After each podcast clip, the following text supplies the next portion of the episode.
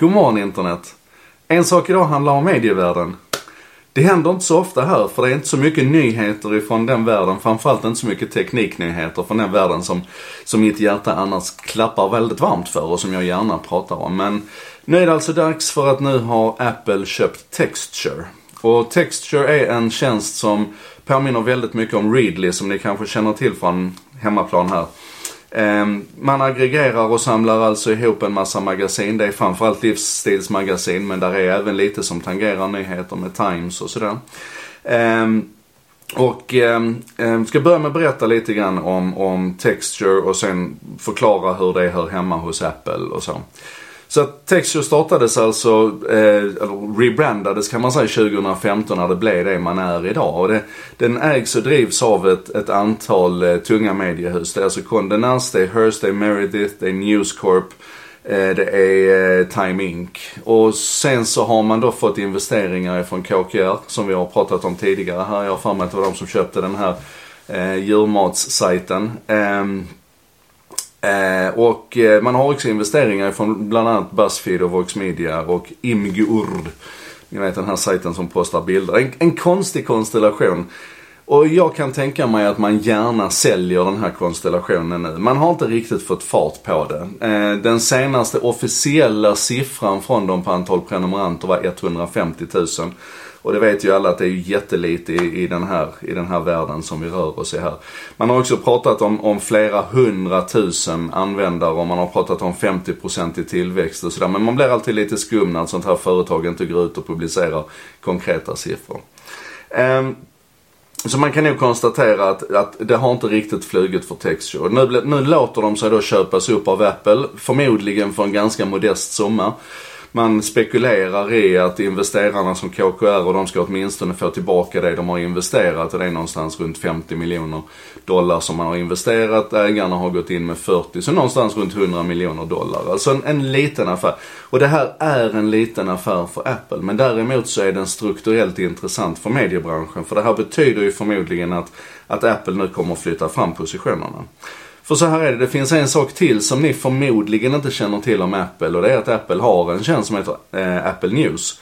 Den är bara tillgänglig i Storbritannien, där jag befinner mig just nu, i USA och i Australien.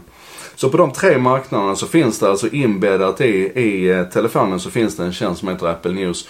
Som, som samlar ihop ifrån framförallt öppna källor och ger dig en, ett, ett nyhetsläge. Alltså ungefär som, som Google News kan man säga. Men Apple News jobbar också närmare publicisterna så att de måste anpassa sitt material lite grann för att det ska funka in i deras plattform. Vilket betyder att det är inte jättemycket material där. Man har också en prenumerationsmodell men inte då en, en Spotify-modell eller en Texture-modell utan man har en koppling så att du kan prenumerera hos de enskilda eh, publicisterna. Så att du kan alltså ha en, en eh, du kan ha en prenumeration hos en enskild publicist i den här plattformen och sen komma åt det innehållet där tillsammans med allt det fria. Ah, det är ganska rörigt och man ska inte påstå att Apple News heller har flugit speciellt väl. Och nu är väl då gissningen här att man väljer att plocka in det här Texture och även om man kör dem, säger man, som ett eget företag framöver också, så är nog tanken att det ska jacka in i Apple News-plattformen på något sätt och att man ska få ett, ett insteg genom att du får då en, en relativt låg summa, 10 dollar i månaden, köper ett relativt stort paket. Och sen hoppas väl Apple då att, att fler och fler ska sluta an till det paketet. Så här, om vi tror på en Spotify för nyheter och en Spotify för textinnehåll överhuvudtaget så kan det här vara ett steg i den riktningen. Det har ju tats, det har gjorts många försök tidigare på det området och alla har misslyckats så här långt.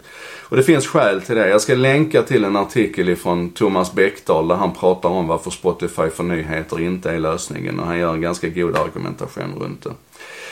Anyway, det här är intressant. Vi får hålla ögonen på det. Vi behöver hela tiden betrakta vårt eget mediebeteende. Och för min del är det så här, jag är långt ifrån snål. Men av rena principskäl så betalar jag aldrig för betalväggar. Jag köper aldrig innehåll som ligger inlåst bakom en betalvägg när vi pratar om nyheter.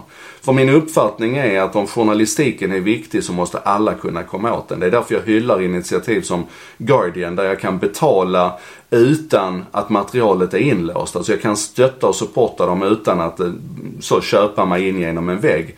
Eller som Wiki Tribune som håller på och växer fram nu under ledning av Jim Wales, han som startade Wikipedia en gång i tiden. Som också är en sån här en gemensam finansierad lösning.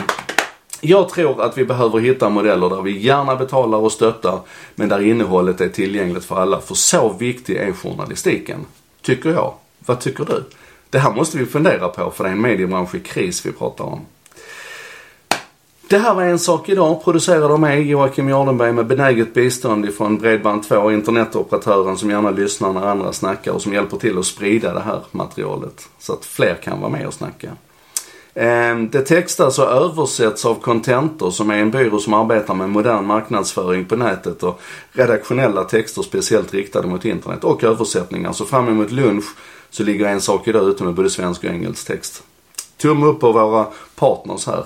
Och tumme upp till alla er som hjälper till att diskutera, bidra och, och vara med och, och flytta det här samtalet framåt. Jag tror det är viktigt. Ses vi imorgon igen.